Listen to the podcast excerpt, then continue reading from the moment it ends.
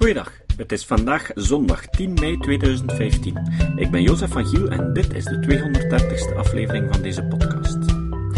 In Leuven ging de voorbije weken Docfil door, een filmfestival over documentaires. Vorige maandag werd de film An Honest Liar getoond over het leven van James Randi. En zo'n gelegenheid kan een goede scepticus toch niet laten liggen. Hè? Na de film was er ook een gesprek. Kathleen Gabriels stelde vragen aan Johan Braakman, professor filosofie aan de Universiteit van Gent, Wouter Duik, professor psychologie aan de Universiteit van Gent, en Lieven Gijsels, beter bekend als illusionist Gilly. We mochten het gesprek opnemen en vandaag en tijdens de volgende twee opnames krijgen jullie het resultaat te horen. De kwaliteit van de opname is veel beter dan de vorige opnames, doordat ik deze keer mijn recorder rechtstreeks op de geluidsinstallatie kon inpluggen. Hier gaan we. Voor we starten aan het debat zal ik ze.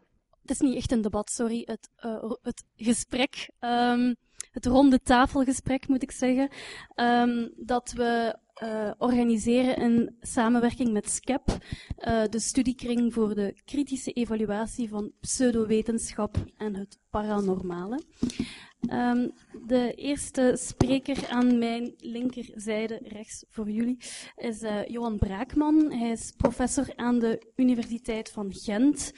Hij is bekend als scepticus, is ook lid van SCEP en redactielid van hun tijdschrift Wonder en is geen wonder. Een aantal jaren geleden bracht hij een cd-box Kritisch Denken uit bij Home Academy.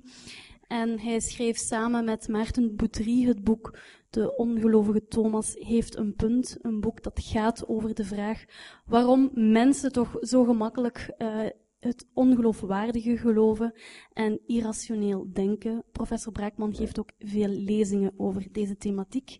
Naast uh, professor Braakman uh, zit uh, professor Wouter Dijk, eveneens van de Universiteit Gent. De, sorry, Wouter Duik, sorry. Um, en hij houdt zich bezig met experimentele psychologie en is onder meer gespecialiseerd in het soort psychologisch onderzoek dat ons leert hoe het kan dat mensen zo gemakkelijk vallen voor denkfouten en zo gemakkelijk zichzelf kunnen bedriegen of bedrogen worden. En hij hoeft op zich niet meer veel uh, introductie, maar toch Gilly, uh, geboren als Lieven Gijssen. Um, ja, Vlaanderens bekendste mentalist. Um, hij wordt ook wel ontgoochelaar genoemd. Um, enerzijds als koosnaampje, uh, anderzijds omdat hij uh, van de uitzonderlijke soort is die zegt dat hij mensen bedriegt, maar dat doet met drugs en niet met paranormale krachten. Uh, jullie kennen hem ongetwijfeld ook uit rubrieken in de laatste show of dit seizoen heeft hij ook een vaste rubriek in Café Corsari. Um, en wat ook misschien interessant is om te zeggen, misschien komt dat nog aan bod, is dat uh, hoewel hij zelf zegt dat hij mensen bedriegt met drugs, dat er toch mensen zijn die hem komen zeggen dat hij wel degelijk paranormale krachten heeft, maar het gewoon niet wil inzien. Goed, uh, als uh, eerste vraag, om het gesprek te openen, zou ik graag aan jullie alle drie vragen uh, hoe jullie Randy hebben leren kennen en wat hij in jullie persoonlijk leven heeft betekend en misschien nog steeds betekent. Ik begin met Johan. Um, jij hebt James Randy ook een aantal keren ontmoet. Ja, ik, kan, ik ben heel slecht in het onthouden van data, maar God, misschien 25 jaar geleden is hij eens naar Gent gekomen. Ik weet niet of Skep daarbij betrokken was of niet, maar in elk geval, uh, we haalden hem toch naar Gent binnen de vakgroep wijsbeheer en moraal. En ja, ik ben er dan met een paar andere mensen toch enkele dagen mee opgetrokken. en ik heb hem dan nog meerdere keren kunnen ontmoeten. Hij is nog eens naar Gent gekomen. Dan heeft hij een les gegeven voor een vol auditorium E in de Blandijnberg. Sommige mensen zullen dat kennen. En ja, ik, ik, kom hem ook soms wel eens tegen op, op congressen, de voorbije ja, ook twintig jaar. Want veel van die sceptische congressen of, of psychologische congressen enzovoort, daar is hij vaak ook, ook te gast. Um, Ja, ik kan er misschien ook dit over zeggen. Ik, ik herinner mij dat nog zeer goed, 25 jaar geleden. En, en jullie hebben nu de documentaire gezien, dus je kunt zich daar toch iets bij voorstellen. Uh, het, het is iets wat je niet vergeet en wat een diepe indruk kan nalaten. Hè. Dus als je daarbij zit, uh, als, als je vlakbij wat, wat Gilly doet zit, uh, onderga je toch iets, iets dergelijks ook. Je ziet die mensen dingen doen waarvan je totaal niet begrijpt hoe ze het doen. Het is verbijsterend wat ze doen. Ik heb James Randi zo lepeltjes zien plooien, die leken te smelten over zijn hand en zo, dat, dat soort dingen. Enfin, nu weet ik al wat meer, fijn later, over hoe die trucs dan gebeuren. Of, of een potlood zien bewegen met zijn handen en al dat soort dingen. U, u, kent zo min of meer die trucs. Gedachten lezen enzovoort. Maar als je daar dus niet mee vertrouwd bent, dan, dan slaat jou dat met verstomming. En je gaat dan op zoek, automatisch natuurlijk, hoe, hoe doet hij het? En, en je vindt dat niet. En je beseft dus, ja, je mag best intelligent zijn, uh, je mag best in staat zijn tot logisch en helder nadenken enzovoort, maar je wordt bedrogen terwijl je er letterlijk met je neus op zit en al je zintuigen wijd open hebt. En dus dat is een les die ik uh, van Randy heb meegenomen en ik, ik, denk voor een stuk mijn interesse in de vraag waarom mensen zo kwetsbaar zijn voor, uh, ja, om te gaan geloven in allerlei onzin, in allerlei zaken die niet kloppen. Uh, ik kan dat niet precies reconstrueren, maar ik denk dat Randy daar toch een grote rol in heeft gespeeld. Ik heb dan ook al zijn boeken gelezen en zo natuurlijk, en, en dus een aantal shows van hem gezien. En ja, ik mag, mag of ik moet absoluut zeggen, ik, ik heb daar zeer veel aan te danken. Uh, ik heb er erg veel uh, van geleerd. Ik laat iedereen aan om zijn boeken te lezen. Het, het, is allemaal heel spannend en bijzonder goed geschreven. Het is ook, ook al heeft hij nooit uh, het middelbaar afgemaakt, het is zeker een van de meest intelligente mensen die ik ooit uh, ontmoet heb. En bovendien is hij ook, dat heeft u ook al gemerkt in de documentaire, ook geweldig grappig. Um, Goedenavond. Ik ken, uh, zoals uh, Johan, ken ik James Randi niet persoonlijk. Ik heb hem ook nooit persoonlijk ontmoet. Wat wel zo is, is dat ik psycholoog ben en dat de psychologie een zeer jonge wetenschap is die uh, geplaagd is door um, de nogal onwetenschappelijke methodes en ook het, het onkritisch denken, wat je ook in deze shows, of tenminste de mensen die geloven dat dat echt is, um, dat je dat in onze wetenschap ook ziet opduiken. En dat begint eigenlijk al bij het begin van de psychologie, toen Charcot in uh, het Parijse Salpêtrière de eerste mensen hypnotiseerde en hysterische vrouwen uh, genas van hun verlamming. En het deed me denken aan de dominee die we net zagen. Uh, het zijn eigenlijk net dezelfde technieken die gebruikt werden in die oude psychologie zoals hij toen bedreven was. En ondertussen is de psychologie, althans dat hopen, want dat is ook zo, toch voor een groot stuk een empirische wetenschap geworden, waarin we proberen ook te kijken naar de data. En die getalletjes die zijn inderdaad iets moeilijker te verzamelen als het om menselijk gedrag gaat dan wanneer het om tumoren bij ratten gaat. Dus dat is zeker niet gemakkelijk. maar we proberen dat wel op een wetenschap wetenschappelijke manier te doen. En daarom is het ook zo dat in, in leidende cursussen psychologie eh, natuurlijk ook teruggaat naar die klassieke methoden, zoals bijvoorbeeld de suggestie, zoals Sigmund Freud die ook gebruikte in de psychoanalyse, en mensen bijna een herinnering ging aanpraten. Natuurlijk eh, probeert uit te leggen aan studenten waarom dat niet klopt, waarom dat uh, niet werkt. En dan kom je natuurlijk terecht bij de mensen die inderdaad dit soort manieren van, van, van mensen te overtuigen, die dit debunken. Hè. En in Vlaanderen hebben we zo eentje en in Amerika hebben we er ook zo een. En dat is James Randi. En daarom is het altijd wel een handig figuur. Uh, zeker als hij erin slaagt om van die bekende oplichters, om die te ontmaskeren, is het een handig figuur om studenten uh, inderdaad te, te overtuigen dat het misleiding is. Ben je dat ik hier uh, mag doorbabbelen? Ja, zeker.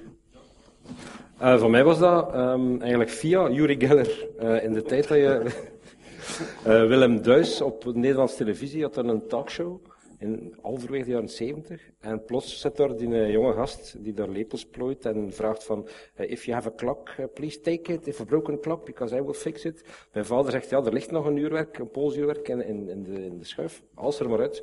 Effectief, dat spel lag er al 15 jaar in. En dat ging niet meer. Yuri Geller zegt, ja, oké, okay, make it work, work, work. En wat blijkt, die klok begint te tikken in mijn hand. Nou, maar echt. Dus op dat moment is het van, what the fuck?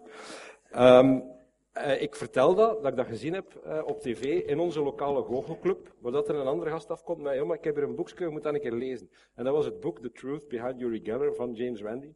Dus heb ik die man zo leren kennen en onmiddellijk tot de vaststelling moeten komen van shit, dat bestaat niet echt. Uh, en daar beginnen mee doordoen en dan, ja, jaren later zitten we hier.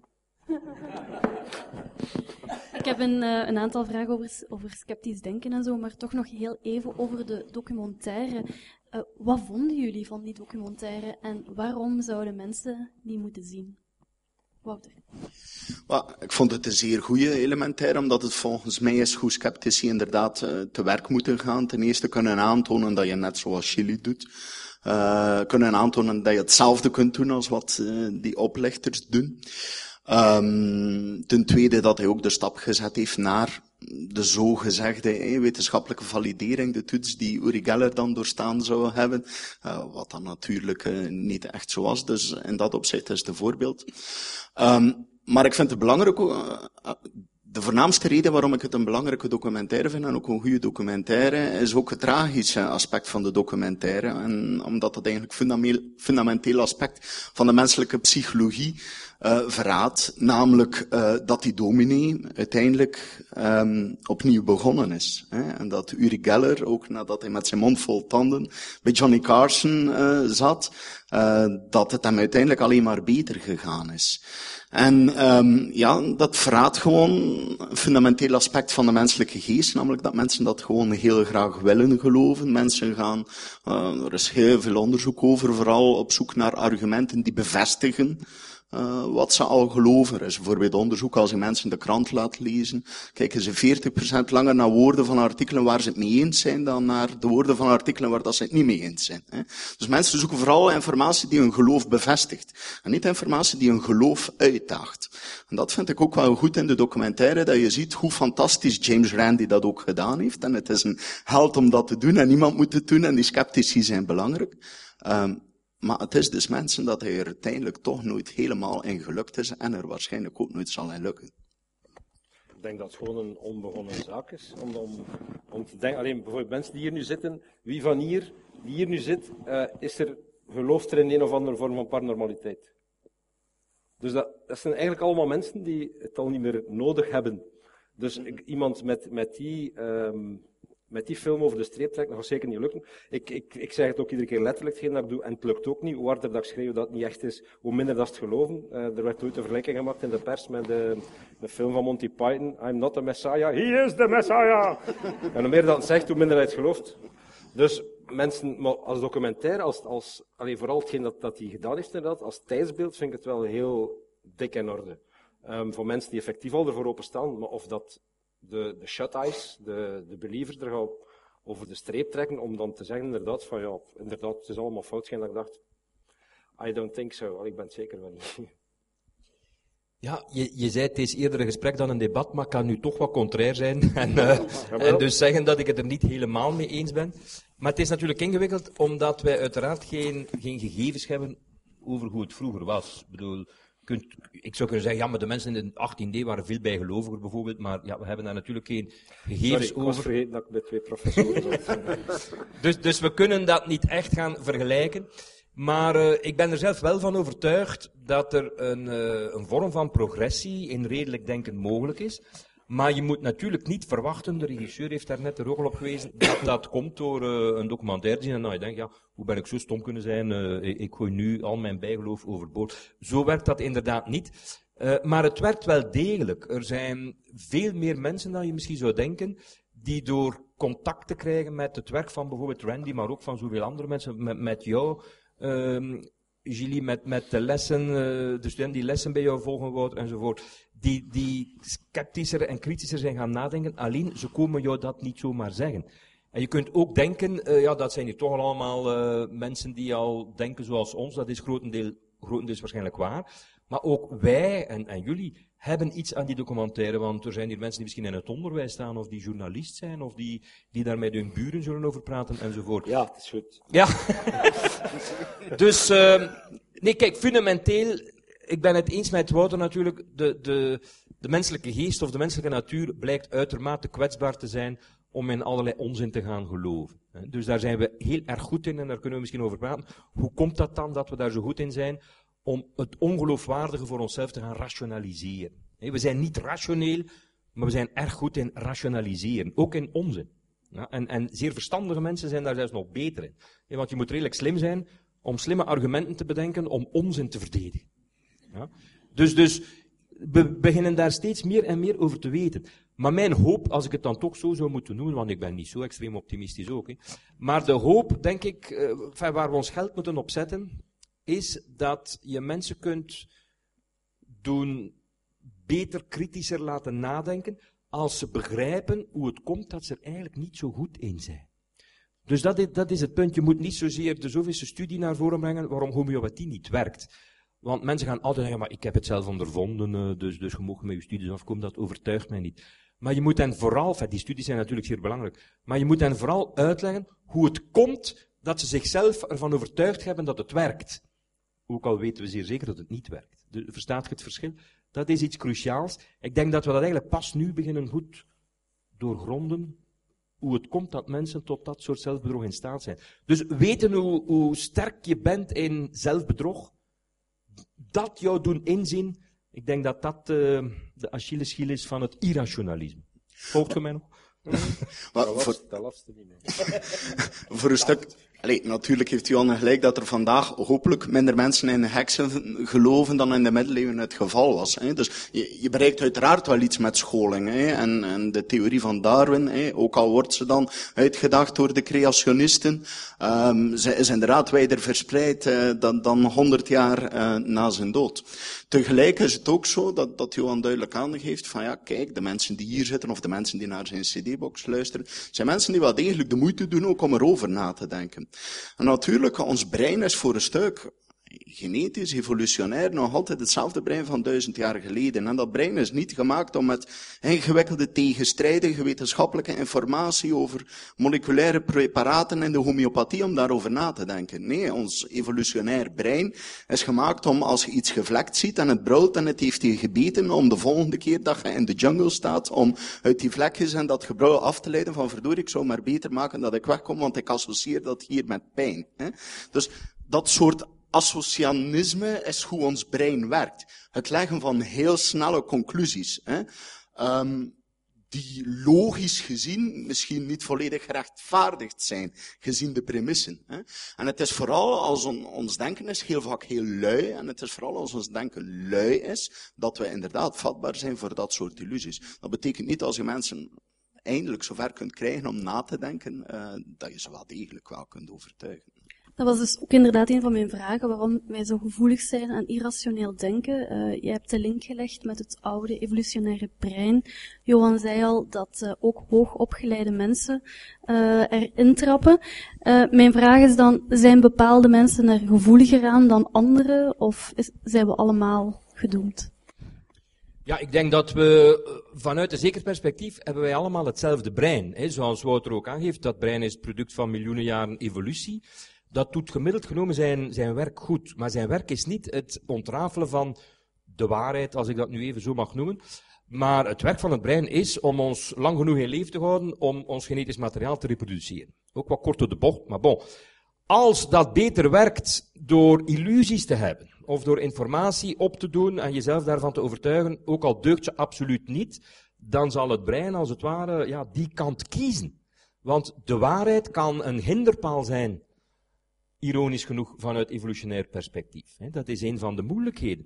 Om een, om een voorbeeldje te geven, want het is misschien een beetje abstract wat ik zeg, het komt erop neer, uh, ik pik het, punt van, van Wouter ook op, het brein zit afge, staat afgestemd of afgesteld zoals een brandalarm. Is een van die inzichten die we zo de laatste jaren aan het ontwikkelen zijn. Dat betekent het volgende. Een brandalarm moet eigenlijk een beetje te scherp staan afgesteld. Dat betekent, als wij een sigaar aansteken, dan moet het ook afgaan. Het vergist zich dan het brandalarm, maar dat geeft niet. Want we stellen dat snel vast, ja, uh, het, het, was maar een sigaar. We klikken dat brandalarm af, de brandweer hoeft niet te komen. We, hebben een beetje tijdverlies, zo vijf minuutjes, zo, een beetje chaos, maar het is niet erg. Dat is een vergissing die we gerust iedere week opnieuw eens mogen maken. Kan geen kwaad. En de vergissing ontstaat omdat het brandalarm een beetje te scherp staat afgesteld. Mocht dat brandalarm een beetje aan de andere kant te flauw, te weinig, te zwak staan afgesteld, dan breekt hier een brand uit. En dan brandt het kot af en, en, en zijn wij misschien ook dood, omdat het brandalarm dan zou kunnen denken, ja, het zal wel weer een sigaar zijn. Dus je begrijpt wat ik bedoel? Je kunt je maar één vergissing permitteren aan de foute kant. Je kunt je veel vergissingen permitteren aan, aan de goede kant, zo gezegd. Zo stelt, staat ook het brein afgesteld. Dat is waarom wij zo makkelijk gezichten in de wolken zien, of gezichten in een pizza zien, of, of, of Jezus in een uh, boomstronk zien, enzovoort. Dat is een bekend fenomeen, pareidolia heet dat. Je kunt allerlei dingen zien in allerlei voorwerpen die daar echt niet zijn. Wouter is een kenner van optische illusies, kan u daar veel meer over vertellen. Dat zijn vergissingen aan de goede kant. Je ziet een gezicht en dan stel je vast, ah ja, het is geen gezicht, het, is maar, uh, uh, het zijn maar wat olijven en wat tomaten op mijn pizza. Ja? Dat is een, een, vergissing bij wijze van aan de goede kant. Het is maar als je denkt, ja, uh, ik, ik, denk daar een gezicht te zien, maar, maar het zal maar uh, een illusie zijn door de bladeren van de bomen of zo, maar het is echt een gezicht. Dat is een gevaarlijke vergissing die je potentieel maakt. Dus ons brein is geneigd om ons die richting uit te sturen en neemt er de kost van de vergissingen bij. Want gemiddeld genomen zijn die vergissingen niet zo erg. Ben ik hier nog zinvol aan het praten? Ja. Uh, dus de, dat soort, dat is één voorbeeldje, maar dat soort psychologische fenomenen, om nu terug te komen tot uw punt, waar wij allemaal ongeveer even kwetsbaar voor zijn, er zal daar wel wat variatie in zitten, maakt ons dus kwetsbaar voor irrationalisme. Want je weet, als er dan mensen zijn die, die het gezicht van Maria of Jezus in hun pizza zien, wij kunnen dan zeggen, oh, interessant voorbeeld van pareidolie. Hè, uh, merkwaardig hoe mijn optisch systeem hier mij doet uh, een gezicht zien, terwijl daar toch echt geen gezicht kan zijn. Maar je gaat ook altijd mensen hebben die redeneren, dit is een mirakel, want ik zie Maria in mijn pizza. En de vraag hoe Maria of Jezus er dan zouden toe komen om te kiezen voor een pizza, om zich tot, uh, die komt dan blijkbaar niet eens bij hen op. Ja. Julie, uh, eigenlijk dezelfde vraag die ik al eerder aan de regisseur uh, stelde, in navolging van de titel An Honest Liar, is de titel van dit ronde tafelgesprek Eerlijk Bedrog. Wat jij doet, zou je dat definiëren als eerlijk bedrog? hetgeen dat ik doe wel, omdat allee, mensen weten, een illusionist brengt illusies. Het is niet echt, het is niet wat het lijkt te zijn. Dus in die zin, allee, ik was ook tijdens de film aan het denken van effectief het punt van de, dag dat ik zou zeggen van ik heb wel een zesde zintuig, uh, zouden er heel veel van de paranormaal zeggen van zie het wel, bent altijd gezegd, en zou ik er waarschijnlijk ook een pak meer geld kunnen mee verdienen.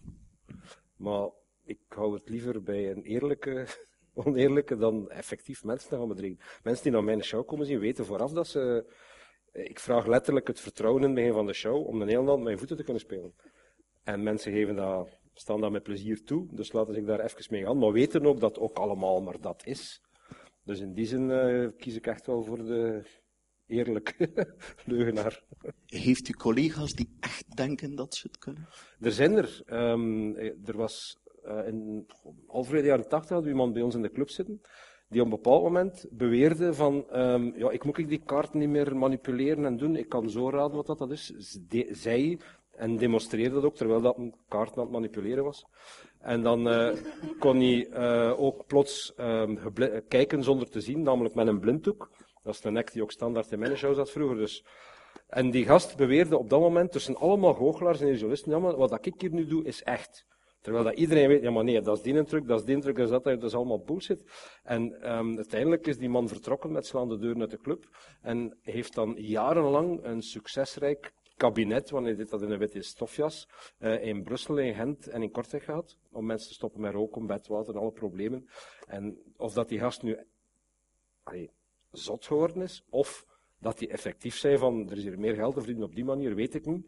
Maar het is wel een feit dat hij veel meer werk en veel meer verdiende op het moment dat hij zei dat hij echt. Ik, ik zou daar eens willen op inpikken. Er is een heel interessante categorie van mensen die bedriegen, maar het dus zelf niet beseffen dat ze aan het bedriegen zijn, dus die eigenlijk ook zichzelf bedriegen. Dus een interessante vorm mm van zelfbedrog. Bijvoorbeeld bij, ik neem er nu één voorbeeld uit, bij artsen die alternatieve geneeswijzen beoefenen, heb je dat vaak. Zij kunnen natuurlijk weten dat die alternatieve therapieën, dat zijn dus eigenlijk gewoon therapieën waar geen wetenschappelijk bewijs voor bestaat, uh, want het woord alternatief deugt eigenlijk niet. We hebben ook geen alternatieve geschiedenis of biologie of scheikunde of zo. Ja, bon, er is ook geen alternatieve geneeskunde. Uh, maar die mensen hebben zichzelf ervan overtuigd dat wat zij voorschrijven, ook al deugt dat niet, op geen enkele manier, dat dat toch werkt om de eenvoudige reden, ja, het helpt om de eenvoudige reden dat ze positieve feedback krijgen. En het is niet moeilijk om positieve feedback te krijgen. Als, als, er, als je arts bent en er komt iemand bij jou die uh, een of ander kwaaltje heeft, En uh, je geeft hem uh, een middeltje dat eigenlijk niet werkt. De kans is groot dat hij een paar dagen later zich beter voelt. Dat geldt voor, weet ik veel, 90, 95 procent van de kwaaltjes die mensen hebben. Dat gaat vanzelfs over. Of je zegt, ja, neem dit hier en rust een beetje. Ja, meer moet je eigenlijk niet doen. Dat gaat vanzelfs over. Maar mensen leggen dan natuurlijk het verband, dat is nog zoiets waar we evolutionair zeer goed in zijn, in het leggen van causale verbanden, tussen dat middeltje en tussen hun zich beter voelen na enkele dagen. En een week later komen ze dat tegen de dokter zeggen, of ze komen hem op straat tegen en zeggen, ja, dat heeft daar goed gewerkt, uw ding, na een paar dagen was ik er vanaf. En in het begin is die arts misschien zelf verbaasd. Van, ja, het zit daar dus toch iets in. Ja? En hij blijft zo meer en meer positief feedback krijgen. En op de duur heb je jezelf daarvan overtuigd. En bovendien heb je extra argumenten, want je redeneert, ja, het komt niet eens uit Big Pharma, want dat zijn allemaal kapitalisten en, en, en multinationals enzovoort, dus die moet ik dan niet meer steunen. Het heeft geen neveneffecten, dat is een heel interessant aspect aan alternatieve geneeswijzen. Ze hebben nooit neveneffecten. Um, dus, dus je praat je als arts, je praat jezelf daarin. In, het, in de opvatting dat die dingen echt werken. En je krijgt ja, een soort folie à deux hè, tussen de arts en de patiënt onderling. En, en de ene bekrachtigt de, de illusie en het zelfbedrog van de ander. Dus je kunt niet zeggen dat zo'n arts de mensen echt bedriegt. Dat is niet zo. Er is daar, dat is een heel interessante tussencategorie als het ware. Daarnaast heb je natuurlijk, en dat is waar Randy voortdurend op hamert, heb je natuurlijk de, de mensen naar Uri Geller, eh, en, en ook, ook in de geneeskunde heb je dat, je hebt dat overal. Mensen die domweg van zichzelf zeer goed weten dat ze de kluit belazeren. En dus eigenlijk azen op mensen die kwetsbaar zijn, die, die, die labiel zijn uh, enzovoort. Ja, daar wou ik ook uh, even op inpikken, omdat jij daarnet het, ja, ons brein vergeleek met een te goed afgesteld alarm. Ik heb toch de indruk dat uh, het alarm veel te laat of niet afgaat bij redelijk wat mensen. Uh, als voorbereiding op dit gesprek heb ik uh, rondgesurfd op websites van mediums. En uh, ben daar een heel jargon tegengekomen dat ik, waar ik niet mee vertrouwd ben. Maar ik las daar bijvoorbeeld bij de deblokkage van aura's. Um, dat is dus ook een of andere chakras. techniek. Of chakras, sorry, sorry, ja, zware fouten. Um, Wat is het verschil tussen Who cares? um, ik, uh, ik las daar al meteen bij van, ja, uh, u mag niet van ons verwachten dat uw chakras gedeblokkeerd zijn in één sessie, dus u moet er dan al meteen meerdere boeken, natuurlijk aan een aanzienlijke prijs. Als ons brein dan toch zo'n goed alarmsysteem is, waarom verdienen die charlatans dan zoveel geld eraan? Ja, natuurlijk, met het, de vergelijking met het brandalarm is natuurlijk in een andere context in zekere zin. We hebben dus, het verklaart ironisch genoeg net waarom we geen alarmbellen hebben die te gepaste tijden afgaan als men ons zit te belazeren. Hè. Maar die mensen die, uh, die dat soort therapieën beoefenen, die uw chakras kunnen openen of uw aura's kunnen lezen, Sommige van die mensen zullen daar zelf ook in geloven, omdat uh, er zijn allerlei psychologische mechanismen ondertussen al blootgelegd. Ja, Wouter weet daar ook uh, veel van. Uh, die mensen onthouden de zogezegde hits en ze vergeten de missers. Dus ook als je positief feedback krijgt van iemand die letterlijk zegt, ja, ik heb zo mijn chakras voelen opengaan, ja, dan voel je je natuurlijk als therapeut geweldig succesvol. En als het bij andere mensen niet lukt, want ze, ze gaan met je handen rond je lichaam enzovoort, uh, dan kun je altijd, wat tussen haakjes Uri Geller ook deed, toen hij daar uh, totaal door de mand viel in de Johnny Carson show, toen zei hij tegen Johnny Carson, als u zich goed herinnert, van, ja, je moet je daar nu niet slecht over voelen, nee Johnny. Uh, dus dat doen die, die aura-lezers en chakra-openers ook. Als het niet lukt, dan leggen ze voor een stuk de verantwoordelijkheid bij jou, van je staat er niet voor open enzovoort, maar ze zeggen, ja, maar, maar het geeft niet. Dus, dus je krijgt daar ook zo'n mechanisme van bedrog en zelfbedrog. En het, gaat natuurlijk vaak over mensen die a priori al geneigd zijn om daarin te geloven, die daar bovendien redelijk wat geld voor neertellen vaak. Dat is, nog zo'n punt. Op die parabeurzen kun je, ja, kunt daar redelijk wat geld kwijtraken aan mensen die uw aura lezen, nietwaar? En ze vertellen u natuurlijk ook zaken die je over het algemeen graag hoort, of die zo algemeen of vaag gesteld zijn dat ze voor iedereen kunnen opgaan enzovoort. Dus we weten in grote lijnen wel hoe dat werkt. Maar de, de cruciale vraag, hoe komt het dat mensen niet onmiddellijk doorhebben van dit is toch totale, ja, totale bullshit? Ik denk dat we daar nog niet helemaal onze vinger op gelegd hebben. Hoewel we al een aantal dingen weten natuurlijk. Nog één ding en dan, dan stop ik. Uh, een van de goede dingen die je moet doen is om mensen zodanig daarvoor te engageren dat het voor hen achteraf erg moeilijk wordt om voor zichzelf of naar anderen toe te geven dat ze bedrogen zijn. Bijvoorbeeld als je iemand een bullshit therapie wil aanpraten, uh, laat hen er goed voor betalen. Het is veel moeilijker voor zo iemand om achteraf te zeggen dat het bullshit was. Als je 500 euro kwijt bent, uh, is het lastiger om toe te geven, ja, ik heb mij laten rollen. Verstaat je? Dat is maar één van de factoren hier. Dat, dat zijn natuurlijk sociale effecten. Niet? Men weet bijvoorbeeld ook dat men een groter placebo-effect heeft als de dokter een witte jas aan heeft. Hè. Uh, naarmate het kantoor er beter uitziet. En HR en selectie zijn zo'n mechanisme. De trainingen worden positiever geëvalueerd als ze duurder zijn. Dat zijn natuurlijk de sociale mechanismen natuurlijk. Eh, er is ook een fundamenteel mechanisme, eh, het is een beetje terugkomen op wat ik net zei, in ons brein dat ervoor zorgt dat we vatbaar zijn voor die dingen. En dat is net dat eh, de basis van menselijk leren is het leggen van verbanden. Een kind leert hoe hij moet tennissen door het verband te leren tussen ik maak die bewegen en ik sla zo op het balletje en dat is het effect op het balletje.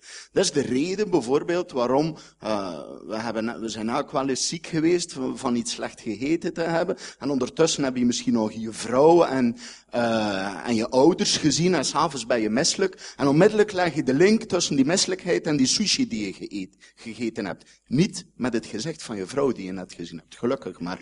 Maar ik bedoel maar, ons brein is geprogrammeerd om zo bepaalde van die verbanden op te pikken. En ik geef nu toevallig het voorbeeld van voeding, omdat het natuurlijk gaat om een primaire behoefte. En dat zit heel diep in het brein uh, geworteld. Maar we zijn dus geprogrammeerd om dat soort terugkerende associaties op te pikken.